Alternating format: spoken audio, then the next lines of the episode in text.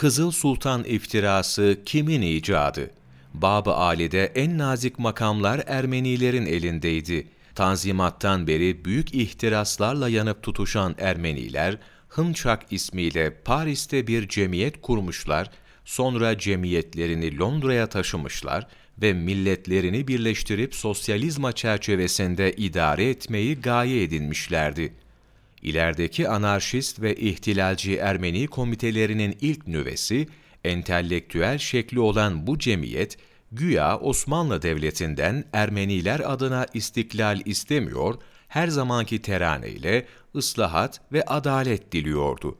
Rusya ise Kafkasya'daki Ermenilerin daha fazla çoğalmaması ve o yerlerin gitgide asli Ermeni vatanı yerine geçmemesi için sınırlarını Osmanlı Ermenilerine kapatmıştı. Bu da Ermenileri kızdırıyordu. Sultan Abdülhamit Han o harikulade siyasi dehasıyla bu tezatları sezdi ve Rusya'yı zayıf noktasından yakalayıp onunla Ermeni meselesi üzerinde zımni bir anlaşmaya vardı. Bu arada bütün Ermeni müesseselerini, hususiyle mekteplerini gözetim altına aldı. Fermanla açılmamış olan ve fesat yataklarından başka bir şey olmayan Ermeni mekteplerini kapattı. Böylece 1889 senesi Türkiye Ermenileri hesabına diledikleri gibi at oynatamayacaklarını anladıkları bir yıl oldu.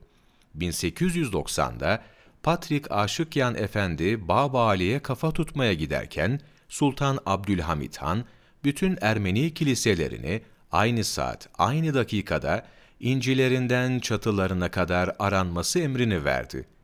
Kiliseler arandı ve birkaçında zararlı evrak, gizli haberleşmeler, silahlar ve bombalar bulundu. Artık Sultan Abdülhamit Han'la Ermenilerin arası açılmış oluyordu. Artık Ermeniler de vatanperverlik satan bazı sözde Türkler gibi Sultan Abdülhamit Han'a hain, müstebit, zalim, gaddar, Kızıl Sultan yaftalarını takabilirlerdi.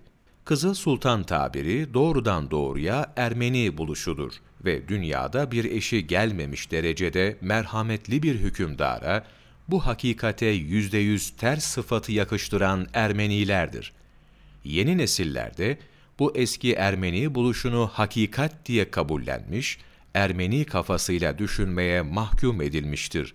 Necip Fazıl Kısakürek, Ulu Hakan II. Abdülhamit Han, sayfa 239, 31 Mart Mevlana takvimi